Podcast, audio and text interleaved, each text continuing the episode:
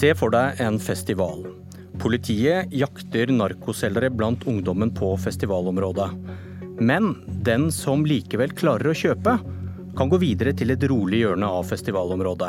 Der tester kommunen kvaliteten på narkotikaen som er kjøpt, før det brukes. Rart, sier du? Uakseptabelt? Hva hvis det redder liv? Velkommen til Politisk kvarter, Nikolai Øyen Langfeldt fra Unge Høyre. God morgen. I nyhetene i morges har vi hørt at dere vil ha et offentlig tilbud om å sjekke kvaliteten på ulovlige stoffer før det brukes, for å unngå overdoser og psykoser. Hvordan ser du for deg at dette kan gjøres i praksis? Jeg tenker at det både kan eh, være installasjoner på eh, festivaler eller eh, russetreff, men også permanente stasjoner i utsatte byer som Oslo og Bergen. Og jeg tror Det er litt viktig å forstå bakgrunnen for dette forslaget. Det er på tide å åpne verktøykassa i ruspolitikken. De siste årene så har over 33 mennesker dødd etter at de har fått i seg et stoff som de trodde at var noe annet. Det forteller at vi må tenke nytt, at vi må heve blikket og vi må gjøre det vi kan for å redusere overdoser. Men da får du den situasjonen jeg starta med her, som kanskje illustrerer et paradoks. da. Samme sted som politiet prøver å slå ned på narkotikasalg, skal det være kommunalt tilbud om å teste den ulovlige narkotikaen politiet ikke klarte å forhindre at du kjøpte. Mm. Altså, jeg tror I veldig mange år så har man tatt en uh, tilnærming til ruspolitikken som har vært ganske bekvem. Nemlig at man har sagt at ting er forbudt. Uh, da skal det være nulltoleranse. Og man slipper å ta stilling til ganske mange av disse dilemmaene. Og uh, det er jo på en måte, Den ruspolitikken den er i endring. Det er grunnen til at man har åpnet for sprøyterom, som vi vet at redder liv. Som er deler av forklaringen på at overdosetallene så vidt går ned nå. Dette her kommer i tillegg til det. fordi målet i ruspolitikken det må være å skadeforebygge og sørge for at eh, færre mister livet ved rusbruk. Hva skjer hvis en person dør av dopet som nettopp er kvalitetssjekket av det offentlige, ene alene fordi det rene dopet kan være livsfarlig i seg sjøl? Jeg tror at uh, man, må ha, man, må sørge for å gjøre det på samme måte som man har gjort det i Storbritannia. Der man uh, ser at man har 95% nedgang i innleggelser uh, knyttet til narkotikabruk. På én festival? Ja, på én festival. Og, Men du, spørsmålet var hvem har ansvaret for dette dødsfallet, som da skjer etter at det offentlige har sjekka dopet? Jeg tror det er utgangspunktet naivt å tro at man, det ikke vil skje eh, rusbruk på eh, festivaler, at vi ikke vil ha rus i, i, samfunnet. Jeg tror det er en veldig viktig rolle til disse stasjonene også, å drive med opplysning. Men spørsmålet spørsmål var, Hvem er det som får, uh, har ansvaret for dette dødsfallet? Ja, jeg mener at eh, hvis du uh, går til det steget og tar dop, så må du også ta ansvaret for konsekvensene. Men det myndighetene kan gjøre, er jo til å legge til rette for at man får opplysning, at man sørger for at overdosedødsfallene går ned. Går det ikke an å hevde at det offentlige får et medansvar for dette dødsfallet ved nettopp å ha godkjent dopet? Eh, jeg tror at eh, det offentlige også har et medansvar, eh, når man i altfor mange år har lukket øynene for disse problemstillingene. Ja, men Ta er... dette konkrete tenkte tilfellet da, som blir, kan skje hvis ja, du får altså, viljen din. Ja, jeg, jeg, er jo enig i det. Jeg er enig i at det er masse dilemmaer, masse vanskelige spørsmål i ruspolitikken. Dette er et av dem. Men vi må, gjøre, vi må bruke de virkemidlene. Vi må åpne den verktøykassa som sørger for at overdosedødsfallene går ned. Men får det offentlige et medansvar eller ikke? Nei, altså, jeg, jeg, jeg, tror Det viktigste vi kan gjøre nå, det er å åpne verktøykassa og finne ut av hvilke virkemidler vi kan bruke for å sørge for at skadene går ned knyttet til rusbruk. Ok, Du svarte at brukerne har ansvaret. Kan, kan et slikt tilbud føre til at flere prøver narkotika?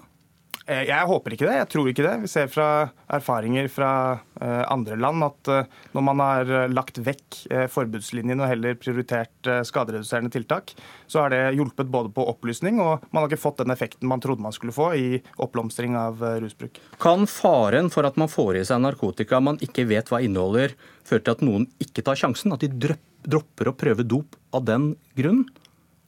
Eh, Altså, jeg, jeg, det er jo på en måte for, Litt av bakgrunnen for forslaget. Det er jo den situasjonen vi ser i dag. Med 33 mennesker som har fått i seg noe de ikke visste hva var. Ja, men forhold til spørsmålet. Kan, mm. kan, den, kan, det at ungdom er redd for å bruke narkotika fordi de ikke vet hva det inneholder, kan det gjøre at noen ikke tar sjansen? At de, at de i dag dropper å prøve Fordi de vet ikke hva de får i seg? Jeg tror litt av utfordringen i dag det er at man heller ikke får informasjon dersom det er farlige stoffer som man tror at det er noe annet eh, på markedet. Eh, fordi at, eh, og Det ser vi bl.a. fra Nederland. Da PMMA-bølgen kom for første gang, så ble den redusert. Rett og slett fordi at man fant ut tidlig med rusmiddeltesting at den var på vei, og man fikk varslet de miljøene som var utsatte. Det er et virkemiddel vi ikke tar i bruk i Norge, og som potensielt gjør at vi får flere overdoser enn vi skulle ønske. Ok, Du svarte ikke på det, men hvis, hvis folk da dropper å bruke dop fordi jeg vet ikke hva jeg får i meg hvis jeg tar den pillen her, hvis det offentlige kommer og sier at nå sjekker vi det for deg, hva skjer da? Altså, jeg tror at Den viktigste mekanismen man kan gjøre det, ved det, det er å redde liv. Det er naivt å tro at eh, null, vi vil ha null rusbrukere i eh, Norge og på festivaler. Men, men kan, kan, det føre til at da tør man å prøve? Hvis kommunen står der og tester, tester dopet for deg, du vet at det er, dette er ecstasy, det er ikke noe mm. farligere da tør jeg å prøve. Nei, jeg, jeg tror ikke det, og det, heller, det, viser heller ikke de uh, erfaringene. Er i hvert fall ikke noe grunn til å si at uh, det viser det fra uh, Nederland og Belgia og Storbritannia som har testet dette tidligere. Er det verdt det likevel? Hvis det redder liv, er det greit selv om det skulle føre til at flere prøver? Altså, hovedfokuset i ruspolitikken bør alltid være å redde liv og sørge for skade forebygging. Så da er det ikke så farlig hvis dette her senker terskelen og gjør det mer jo, men farlig? Jeg, jeg, jeg, godtar ikke det. Jeg tror ikke at det vil gjøre det. Jeg tror også det vil sende et signal inn til de miljøene der hvor dette brukes, om at det er farlig stoff i, i omløp. Edel Marie Haukeland, andre nestleder i KrFU, god morgen i Bodø. God morgen. Kan en slik ordning med offentlig testing av narkotika redde liv? Jeg tenker det er mye viktigere å prøve å um, gi ungdommer gode argumenter og god informasjon som gjør at de eh, sier nei. Eh, Bl.a. fordi det ikke er ufarlig. Det kommer ikke til å være eh, ufarlig det testet, om det blir testa heller. Eh, og fordi det er ulovlig. Jeg mener dette er et forslag som kommer til å være sniklegaliserende. Eh, det kommer til å gjøre at eh, unge mister gode argumenter for å si nei. Eh, til narkotika som de har i dag. Men hva er svaret på spørsmålet mitt? Kan en slik ordning med offentlig testing av narkotika redde liv? Eh, potensielt, ja. Men jeg mener også at, eh, at det er et poeng her at vi skal få ned antallet ungdommer, antall ungdommer som prøver dette for første gang. Og vi vet ikke konsekvensene av dette her på lang sikt. Hvis dette fører til at flere, som du sier, eh, det her, at det ufarliggjøres, det normaliseres, som vi ser det er en økende tendens til i dag, så mener jeg at i det lange løp så kommer det her til å kanskje redde noen få liv, men det er mye mer som står på spill også. Jeg må si at eh, Det er jo i beste fall naivt å tro at vi vil Eh, eh, at vi vil gå mot null eller færre rusbrukere eh, i Norge ved å tviholde på den linjen vi har hatt i ruspolitikken frem til nå.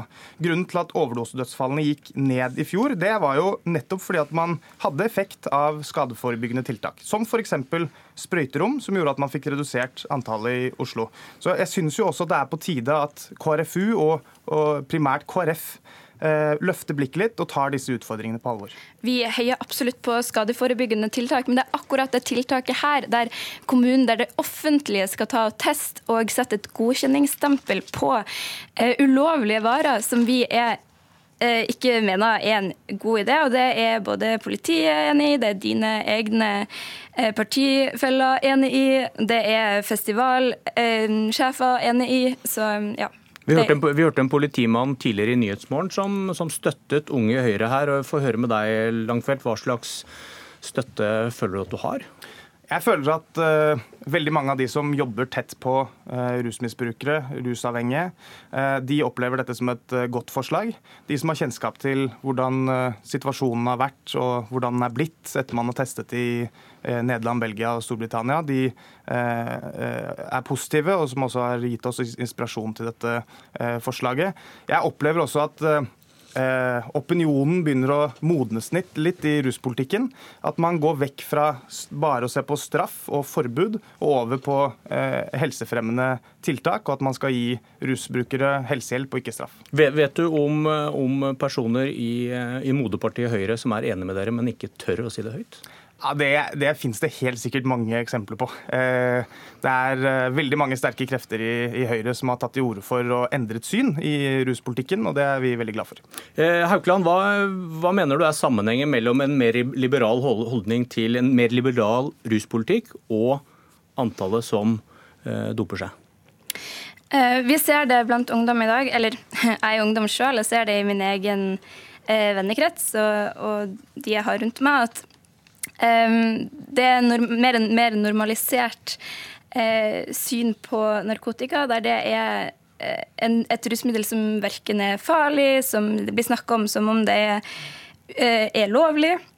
Og da mener jeg at dette er et forslag som kommer til å øke dette ytterligere. Og jeg jeg snakka med en del som, som jobber tett på ungdom, og som sier at det her kommer til å gjøre at flere av de som på en måte har, har vært litt kanskje på nippet til å, til å ta imot når de, blir, når de blir tilbudt, da mister de gode eh, argumenter for å si nei. Altså, dette her er jo basert på dagens situasjon, der man har lagt vekt på straff og forbud. Og eh, Jeg lurer egentlig på hva som er KrFUs løsning. fordi Jeg hører egentlig bare at man tviholder seg til Eh, det som etter hvert snart skal bli fortidens eh, forbudspolitikk, som jeg mener at hever terskelen for å be om hjelp. Eh, det banker på døra. Jeg må dessverre si takk til dere, Langfeldt og Haukeland.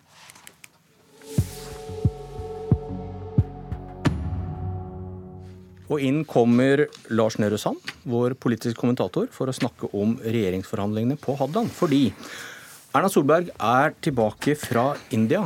Og hva skjer nå? Ja, nå var det noen eh, møter i eh, forhandlingsrommet igjen i går med statsministeren tilbake, og en oppsummering av eh, noen dager hvor de fire partiene har brukt, brukt tiden litt hver for seg med gruppearbeid på vanskelige saker som bl.a. helsepolitikk, bioteknologi, innvandring og klimapolitikk og flere temaer som, som forhandlerne har vært innom. Nå skal man egentlig starte den vanskelige tautrekkingen og den tiden som er i dag, og videre inn mot og i helgen, som egentlig er det avgjørende punktet i denne regjeringsforhandlingene, hvor man skal eh, snekre kompromisser, og hvor man skal starte tautrekkingen partiene imellom. De mest optimistiske håper å være eh, i stand til å kunne forankre noe i partiene allerede søndag, mens de fleste nok tror det vil gå noen dager ut i neste uke før man kan presentere noe både for partiene og for eh, offentligheten. Og KrF kjemper for å endre abortloven. Noen har kanskje hørt om, hørt om det. Hva, hva er nytt i den saken nå?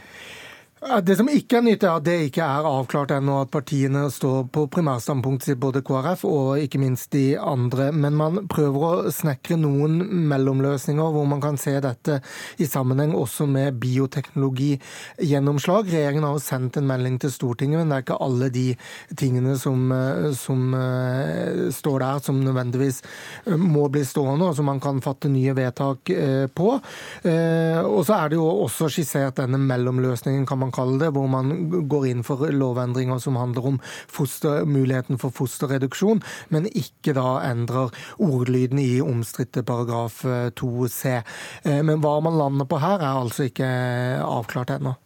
Så har vi over tid registrert en viss uro i Frp nå som regjeringen skal utvides. Hva betyr det for situasjonen rundt dette forhandlingsbordet?